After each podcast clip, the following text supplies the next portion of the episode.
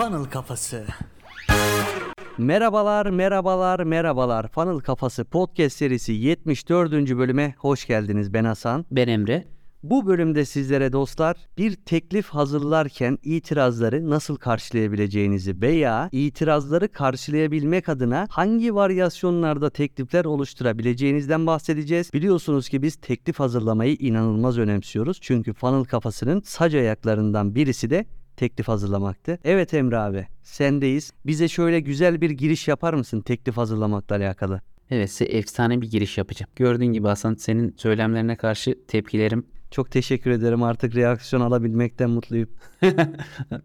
Teşekkürler. Öğreniyoruz. Teklif hazırlama konusunu zaten ne kadar önemli olduğunu ve insanların bizim hazırlayacağımız teklif sonucunda kararını vereceğini hep her zaman göz önünde bulundurmamız gerektiğini söylüyoruz. Daha önce podcast'in hangi bölümünde olduğunu bilmiyorum ama teklifle ilgili ayrı özel bir bölüm yapmıştık. Bu bölümde anlatmak istediğimiz şu. Hep bize şu sorular genel itibariyle geliyor işte. Müşterilerin itirazları oluyor vesaire işte. Biz bu itirazları işte sık sorulan sorulara koyuyoruz. Ya da işte sayfanın içerisinde cevap vermeye çalışıyoruz vesaire. Ama bunun bir usulü bir yolu var mıdır? Evet var. Biz bir teklif hazırlarken müşterinin yaptığı itirazları düşünerek önce bunları kategorize edeceğiz. Nedir bu kategorizeler? Russell Brunson abimiz diyor ki bir müşteri ya içsel itirazlarda bulunur ya dışsal itirazlarda bulunur ya da yazılımsal itirazlarda bulunur. Şöyle yapalım. Önce ben bunları bir tanımlayayım. Sonra da Hasan'la bir beyin fırtınası yapalım beraberce. Bir müşteriye biz teklif sunarken müşterinin içsel itirazları şunlar olabilir. Acaba ben bunu yapamazsam? Acaba buna gücüm yetmezse? Acaba benim buna yetkinliğim yoksa? Yani kendisiyle, yeterliliğiyle, kendi içiyle verdiği savaşlardan ortaya çıkan itirazlar. Bunları zaten müşteriye konuştuğu zaman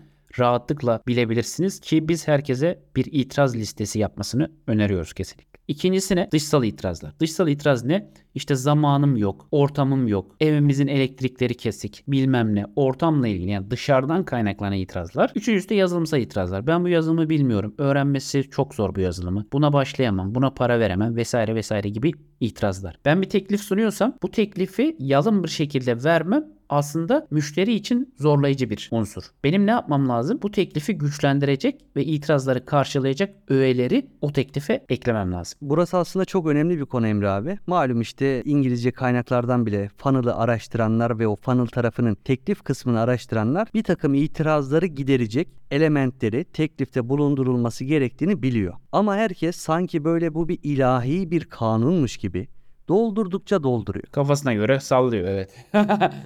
Aynen içsel itirazlar olsun, dışsal itirazlar olsun, yazılımsal itirazlar olsun. Orada gördüğü kalıbın aynısını alıyor. İşte size yol haritası veriyoruz. Bu yol haritası 10 bin dolar değerinde. Veya tekliflerde bahsedilir ya paha biçilemez bir şey söyle. Yani parayla satın alınamaz bir şey. Şimdi onu bulamıyor ama ona bir şey uydurmaya çalışıyor.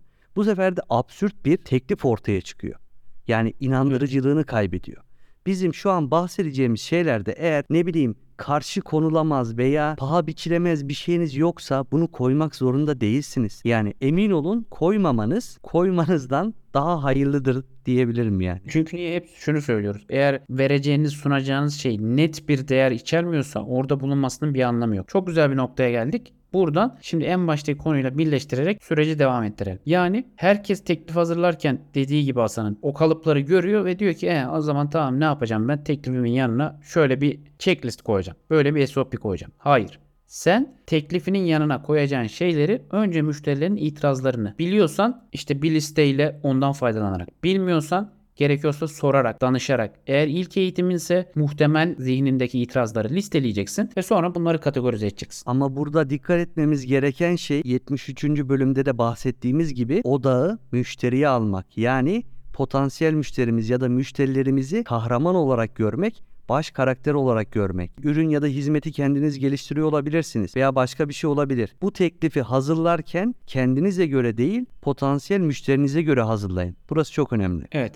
Sonra bu itirazlara göre mesela diyelim ki müşteri diyor ki adım adım gidelim mesela. Ben bu eğitimi alacağım ama ben bu eğitimi alırken canlı katıldım diyelim. Eğitimi aldıktan sonra benim bunu uygulayacak zamanım yok. Ne yapmam lazım? O zaman mesela sen koydun bir tane dedin ki her gün 20 dakika ayırarak adım adım uygulayabileceğiniz yol haritası dedim mesela. Veya biz size hatırlatacağız, biz size mail atacağız, SMS atacağız veya bir topluluk olacak, canlı yayın yapacağız. Beraber yapabileceğim bir topluluk. Ondan sonra mesela dışsal itirazlara bir örnek verelim. Diyelim ki İşte bunu yapabilecek ortamım yok. Bir önceki örneği kuvvetlendirmek adına. Ne yapıyoruz? Biz sizle beraber yapıyoruz. Bir topluluğa davet ediyor. Ya da diyelim ki her eğitimden sonra bizi başıboş bırakıyorlar. Sen oraya eğitim sonrası izlenebilecek 90 günlük bir yol haritası koyacaksın. Ya da diyelim ki bir yazılım. Yazılımsal itirazda da bir örnek vermiş olalım. İşte atıyorum Canva olsun. Canva'yı kullanacak param yok diyor mesela. Diyorsun ki Canva'yı %40 indirimle kullanabilecek kupon sana veriyoruz. Ya da Canva'yı düzgün bir şekilde kullanabilmen için 5 ders veriyoruz vesaire gibi.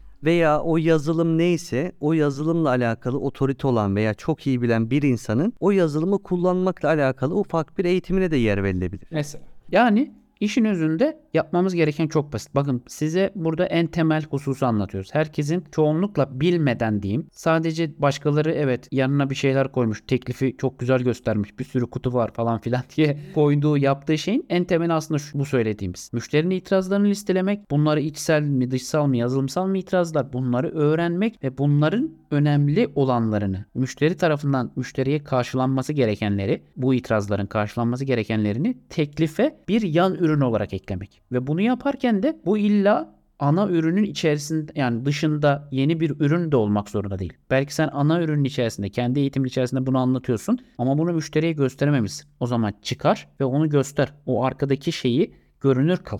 Bu şekilde de teklifini güçlendirebilirsin yani.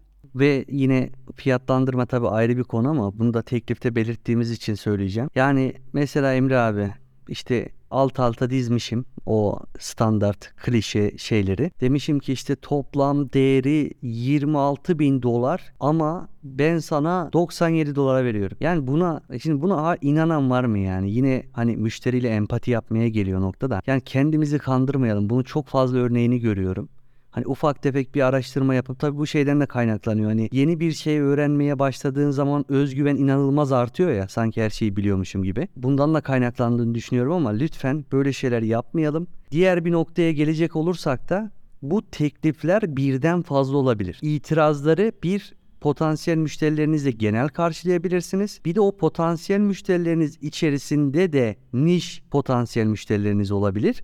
Onların da itirazını ayrı karşılayabilirsiniz. Mesela biz reklam örneğinde de mesela reklamlarda da funnel kullanıyoruz ya. Sizi hiç bilmeyen bir insana sunduğunuz teklifle size maruz kalmış işte sosyal medya hesaplarınıza girmiş, videolarınızın belli bir bölümünü izlemiş, sizde etkileşim kurmuş, web sitesinde gezinmiş insanlara gösterdiğiniz yeni bir video veya tasarımda ulaşacakları landing page'deki teklif başka olabilir. Fiyat aynı olabilir ama itirazı karşılamanız farklılık gösterebilir. Evet, hem müşterinin yolculuktaki yerini düşünebilmek hem de geldikten sonra onun durumuna dediğin gibi yani pozisyonuna, eğitimin içeriğine göre belki onları yerleştirmek ve o şekilde davranmak. Burada bahsettiğimiz spesifik olarak aslında satış sayfasına gelmiş ya da eğitim sayfasına gelmiş o insanlara sunacağımız şeydi. Özellikle biz bunları işte her yerde kullanılabilir ama eğitimcilerle ve içerik üreticileriyle çalışırken çok spesifik şekilde anlatıyoruz. Bakın bunların hepsinin temel bir mantığı var. Bu itirazları karşılayacak şekilde koyarsanız teklifiniz karşı konulmaz bir teklif haline dönüşebilir. Çünkü niye? Müşterinin kafasındaki itirazları cevaplamadığın sürece bir şekilde ya sana soru sormayı seçecek ya arayışa girecek ya da belki senin eğitimini satın almayacak. Bu hususta dostlar ilk 10 bölüm içerisinde yer alması lazım. Teklif hazırlamak bölümü. Onu izlemenizi öneriyorum. Ve bu bölümün ana teması olan bizim bir eğitimimiz var. 36 bin dolar değerindeki bu eğitime 37 dolara sahip olmak için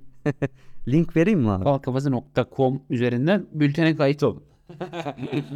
Çok çok kaliteli bir espri değildi ama yine de tebessüm ettirir. O zaman burada bölümümüzü sonlandıralım. Eğer bana ulaşmak isterseniz Instagram ve Twitter üzerinden Hasan İkine ile Bolukbas ulaşabilirsiniz. Sorularınız varsa sorabilirsiniz. Bana da özellikle Twitter'dan ben Emre Doğaner yazarak ulaşabilirsiniz. O zaman ne diyoruz Emre abi? Funnel kafasından uzak kalmayın. Ve unutmayın bu hayatta hepimiz birer satıcıyız. Kendinize iyi bakın.